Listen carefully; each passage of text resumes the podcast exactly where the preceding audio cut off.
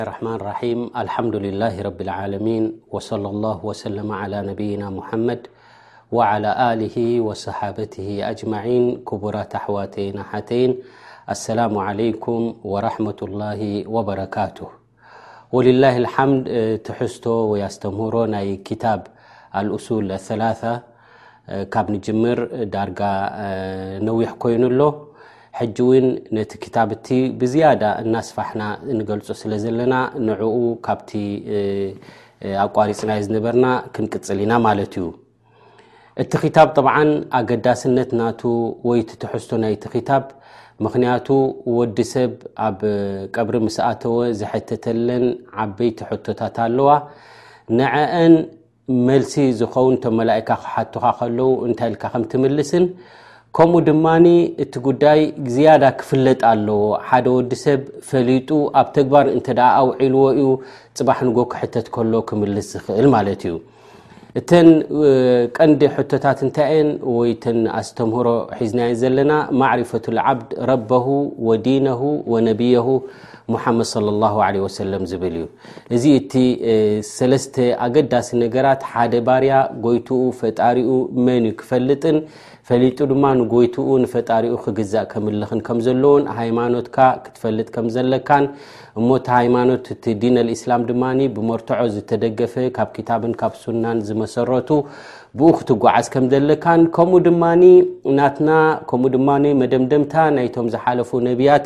ብድሕሪኦም ነቢ ዘየሎ ዝኾነ ናይ መጨረሻ ነቢ ሙሓመድ صለ ላሁ ለ ወሰለም ናቶም ኩነታት ክትፈልጥን ንዕኦም ተኸታሊ ክትከውንን እዚ እቲ ኣገዳሲ ዝኾነ ዩ ማለት እዩ እምበኣር ከምቲ ኣብቲ ዝሓለፈ ዝበልናዮ ማዕሪፈት ልዓብዲ ክበሃል ከሎ ሲ ማለት ረቢ ማለት እንተ መን ዩ ረብኻ ኢልካ ተሓቲትካ ስኒ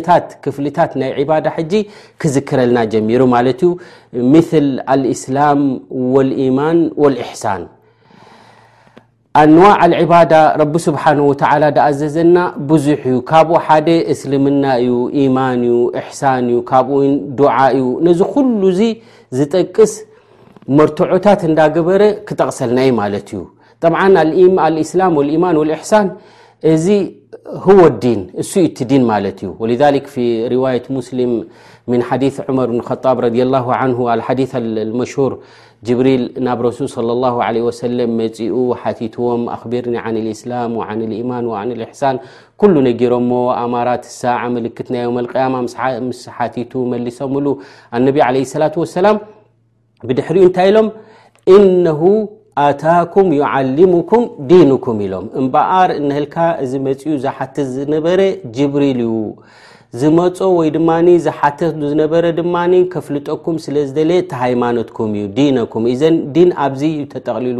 ዝርከብ ማለት እዩ ኣልእስላም ወልኢማን ወልእሕሳን ማለት እዩ ወተቀረር ኣነ ረብ ህወ ልማዕቡድ ረቢ ክንብል ከለና ድማ ከምቲ ብዝሓለፈ ብዝያዳ ተንቲና ዝገለፅናዮ ህወ ልማዕቡድ ንሱ እዩ እቲ ክምለኽ ዘለዎ ኣኑ ረቢ ማለት ህወ ልካልቅ ማለት እዩ ካልቅ ፈጣራይ ዝኾነ ማለት እዩ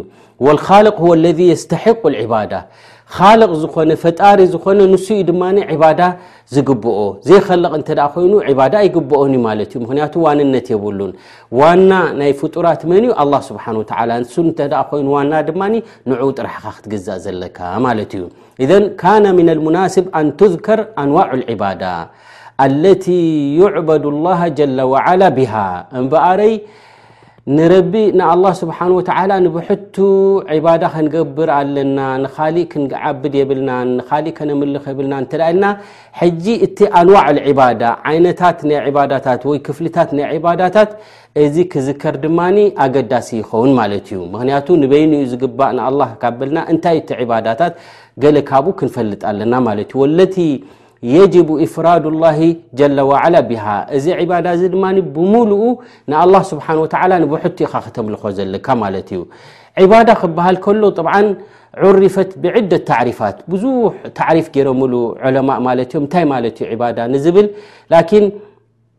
ዋድሕ ዝኾነ ሳህል ዝኾነ ሸክል እስላም እብኒ ተይምያ ኣብ ሪሳለቱ ኣልዕቡድያ ዝብል ኣብኡ እንታይ ይብል እነ ልዕባዳ ይብል ዕባዳ ክንብል ከለና ዝሕጂ ኩላ ግዜ ክነስተባሃለሉ ዘለና ማለት እዩ ዕባዳ ብጀካ ንረቢ ስብሓን ወተዓላ ተዘይኮይኑ ንካሊእ ኣይግባእን እዩ ንካሊእ ክነምልኽ ኣይግባኣናን እዩ ብሓቂ ብግቡእ ክምለኽ ዘሎዎ ኣላህ እዩ ክንብል ከለና እንታይ ማለት እዩ ዕባዳ እተ ተባሂልና ዕባዳ ዶኒ እወ ዕባዳ ሓደ ጠቕላሊ ዝኾነ ሽም እዩ እስም ጃምዕ እዩ ጠቕላሊ ሽም እዩ ናይ ምንታይ ጠቕላሊ ሽም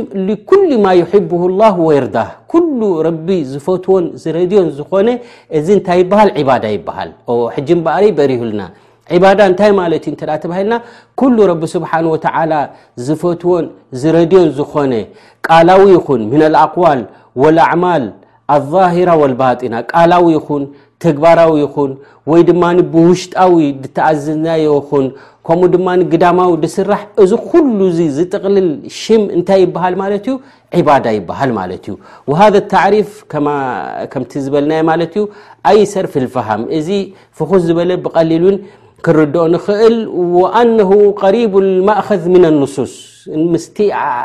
ቁርን ወሱና ዝቃዶ ዝቀራረብ ታዕሪፍ ድማ እዚ ይብሉ ዑለማእ ማለት እዮም እዘን ዕባዳ ክበሃል እንከሎ ሓደ ዓብይ ዝኾነ ጠቕላሊ ሽም እዩ ኢልና ጃምዕ ክንብል ከለና የጅማዕ ኣሽያእ ከራ ብዙሕ ነገር ዝሓዘ እዩ ማለት እዩ ጃምዕን ንምንታይ ክብ እትልካ ኩሉ ማ ይሕብሁ ላ ወረዳ ኩሉ ረቢ ዝፈትዎን ዝረድዮን ክንብል ከለና ነዚ ዝሓዘ እዩ እቲ ዕባዳ ማለት እዩ ጠይብ ረቢ ዝፈትዎን ዝረድዮን ከ ከመይ ጌርና ንፈልጦ እንተኢልና ከይፋ ነሲሉ ኢላ ኣና ሃذ ዓመል ኣው ልቀውል ይሕብሁ ላ ወየርዳ ረቢ ከም ዝፈትዎን ከም ዝረድዮን ብምንታይ ንፈልጥ እንተ ኢልና ላቡዳ ኣን የኩን ማእሙር ብሂ ኣው ሙክበር ዓንሁ ብኣና ላ ጀላ ዋዓላ ይሕብሁ ወየርዳ እዚ ጉዳይ እዚ ረቢ ይፈትዎ እዩ ክንብል እተ ኮይና ረቢ ይረድዮ እዩ ኣብ ቁርን ኣብ ሱና ዝተደገፈ መርትዖ ከድልዮ እዩ ማለት እዩ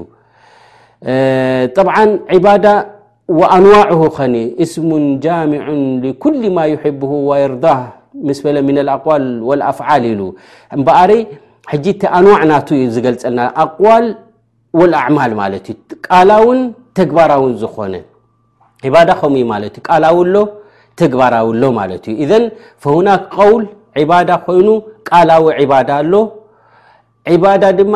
ዓመል ኣሎ ማለት እዩ ተግባር ዝኾነ ማለት እዩ እዘን ዒባዳት ኣብ ክልተ ንኸፍሎ ኣለና ማለት እዩ ዒባዳት ቀውልያ ወዒባዳት ዓመልያ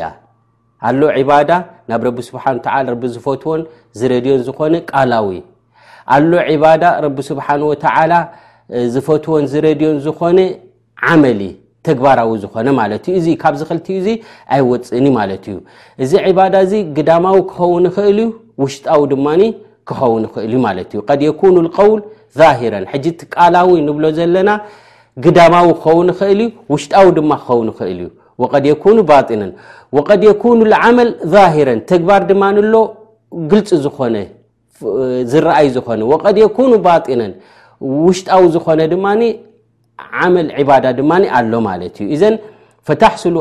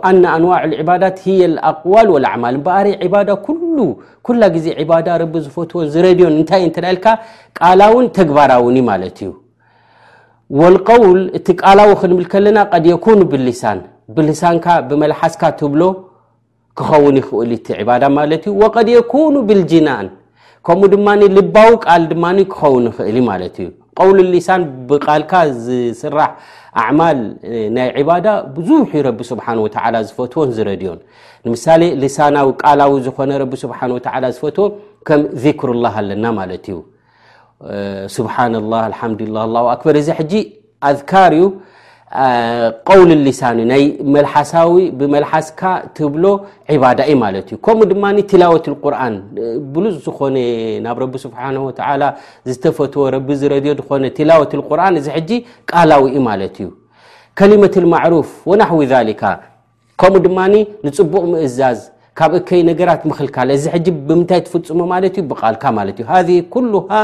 ምን ኣንዋዕ ዕባዳት ኣሊሳንያ ብልሳንካ ብመልሓስካ ዝፍፀም ዕባዳ እዩ ማለት እዩ ስብሓና ላ ሓምዱላ ኢሉ እዚ ሕጂ ረቢ ዝፈትዎ ዕባዳ እዩ ማለት እዩ ቁርን ቀሪእካ ንሰናይ ግብሪ ትእዝ ኣለኻ ካብ እከይ ግብሪ ተኸልከሉ ትብል ኣለኻ እዚታት ሕጂ ቃላዊ ኮይኑ ዒባዳ ረቢ ስብሓን ወተዓላ ዝፈትዎን ዝረድዮኒ ማለት እዩ ልሳናዊ እዩ ማለት እዩ ቀውል ኣሎ ድማ ቀውል ልቀልብ ናይ ልቢ ዘረባ ድማ ኣሎ ናይ ልቢ ዘረባ ከም ንያ ማለት እዩ ንዓማ ንያ ቀውል ሕጂ ንያ ዘረባ እዩ ውሽጣዊ ዘረባ እዩ ማለት እዩ ላኪና ቀውል ልቀልብ ናይ ልምንታይ ዘረባ እተልካ ልባዊ ማለት እዩ ብልብኻ እኮ ትብል ኢኻ ከመይ ሓንሳብ ሓንሳብ ሕጂ ምናልባሽ ሓደ ሰብ ምሽ ይመፅእ ብልብናስ ተዝመፅእ እንዳበልና ነርና ትብሎ እንታይ ትብል ነርካ ብልብኻ ተዝመፅእ እዘን ናይ ልባዊ ዝኾነ ቃላት ኣሎ ማለት እዩ እዚ እውን ከምዚ ዓይነት እዚ ረቢ ስብሓን ወተላ ዝፈትዎን ዝረድዮን ኣሎ ማለት እዩ እዘን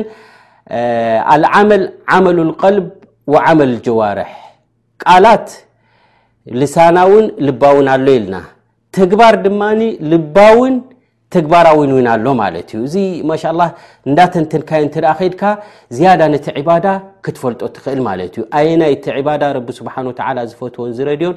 ኣየናይ እዩ ነዚ ናብ ደይ ረቢ እንተ ውዒልዎካ ኣብ ሽርክ ዘውድቆ ክመምልካ ይኽእል ማለት እዩ ወሃ ኣንዋዕ ኣለቲ ዘከረሃ ሸክ ራማ ላ ተላ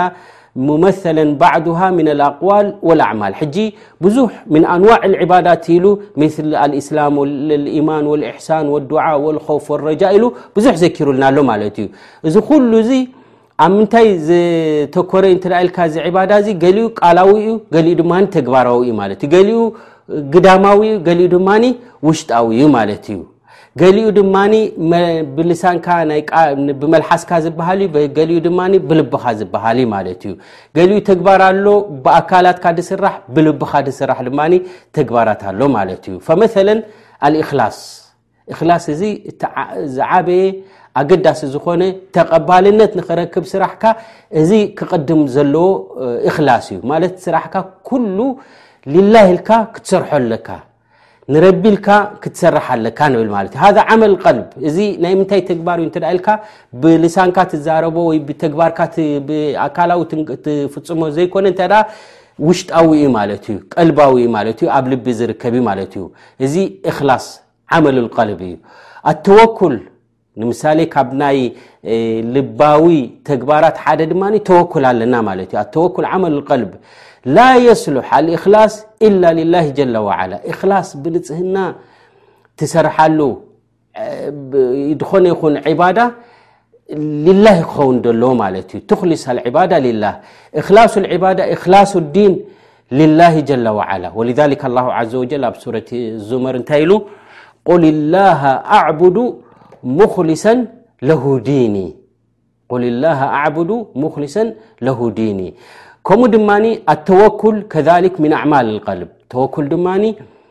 ናይ ልቢ ተግባር እዩ ናይ ልቢ ስራሕ እዩ ኣለቲ ለይሰት ኢላ ሊላህ ንላ ኢልካ ጥራሕ ትፍፅሞ እዩ ማለት እዩ ማለት እተ ክትውከል ኮንካ ተፍዊደ ኣምር ብልብኻ ትፅግዖ ተስፋ ትገብረሉ ብጀካ ንረቢ ስብሓ ላ ንካሊእ ክኸውን የብሉን ማለት እዩ ከምኡ ድማ ካብቲ ተግባራት ናይ ልቢ ኣልኮፍ ኣለና ማለት እዩ ምን ኣማል ልቀልብ ኣለቲ ለይሰት ኢላ ሊላ ኣልኸውፍ ብጀካ ካብ ረቢ ተደይኮይኑ ካብ ካሊእ ክትፈርሐ ብልካን ማለት እዩ ን ከፍ ልዕባዳ እዚ ኮፍ ክንብል ከልና ብ ኮፍ ልዕባዳ ኮፈ ሲር ብልዎ ዑለማ ማለት እዩ ብ እንታይ ዓይነት እቲ ኮፍ ኣየናይ ዝፍቀድ ኣየናይ ሓራም ዝኸውን ኣየናይ ኸብ ሽርክ ዘውደቐካ እዚ ብትንታኒኡ እውን ኣብቲ ድመፅእ ክግለፀልና ዩ ማለት እዩ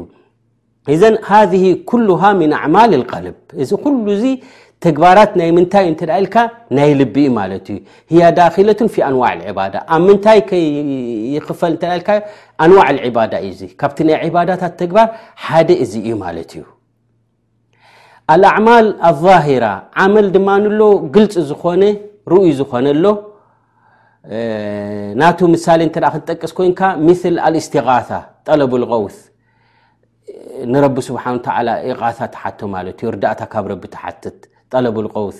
ሃ ጠለብ ዛህር ማለት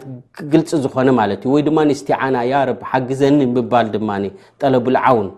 ሃ ምና ኣዕማል ዛሂራ ግሉፅ ዩ ዝረኣይ ማለት እዩ ሓግዘና ርድኣና ክትብል ከለኻ ማለት እዩ ከምኡ ውን ኣዘበሕ ምሕራድ ማለት እዩ እዚ ኩሉ እዚ ዋድሕ ኣናሃ ምን ኣዕማል ልጀዋርሕ ማለት ናይ ኣካላት ተግባራት እዩ ማለት እዩ ከምኡ ድማ መብፅዓ ነር መብፅዓ ሕጂ ቃላዊ እዩ ከምኡ ድማ ተግባራዊ እዩ ማለት እዩ ወናሕዊ ሊክ ፈኢዘን ሃ ዕባዳት ኣለቲ መሰለ ብሃ ኣራዳ ኣን የሽመል ተምሲልያ ኣቅሳም ዕባዳ ልቀውልያ ወልዓመልያ እዚ ኩሉ ሕጂ ኣንዋዕ ዕባዳት ኢሉ ዘኪሩልና ዘሎ ሸክ ማለት እዩ ኩሉ ነዚ ዝሓዘ እዩ ማለት እዩ ቃላዊ ዝኾነ ተግባራዊ ዝኾነ ተግባር ናይ ልቢ ተግባር ናይ ኣካላት ነዚ ኩሉ እዚ ከምኡ ድማ ግልፂ ዝኾነ ውሽጣዊ ዝኾነ ነዚ ኩሉ ዓይነት እዚ ዝሓዘ ዕባዳ ይበሃል ማለት እዩ ወልዕባዳ ይኣክዋን ላ ተስሉሕ ኢላ ሊላሂ ዓዘ ወጀል ዕባዳ ክበሃል ከሎ ብምሉኡ ብጀካ ንረቢ ስብሓን ወተላ ተዘይኮይኑ ንካሊእ ኣይፍቀድን እዩ ማለት እዩ ኣልዕባዳ ኣዛሂራ ኣው ልባጢና ውሽጣዊ ይኹን ግዳማዊ ይኹን ቀልባዊ ይኹን ናይ ልቢ ይኹን ከምኡ ድማ ናይ ልሳን ይኹን ፈህያ ላ ተስሉሕ ኢላ ልላህ